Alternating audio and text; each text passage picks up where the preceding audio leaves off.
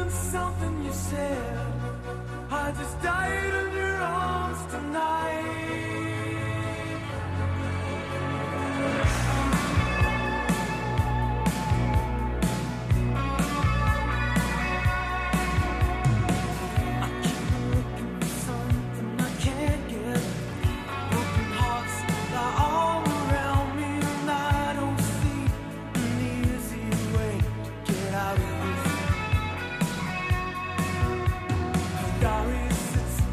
bedside table.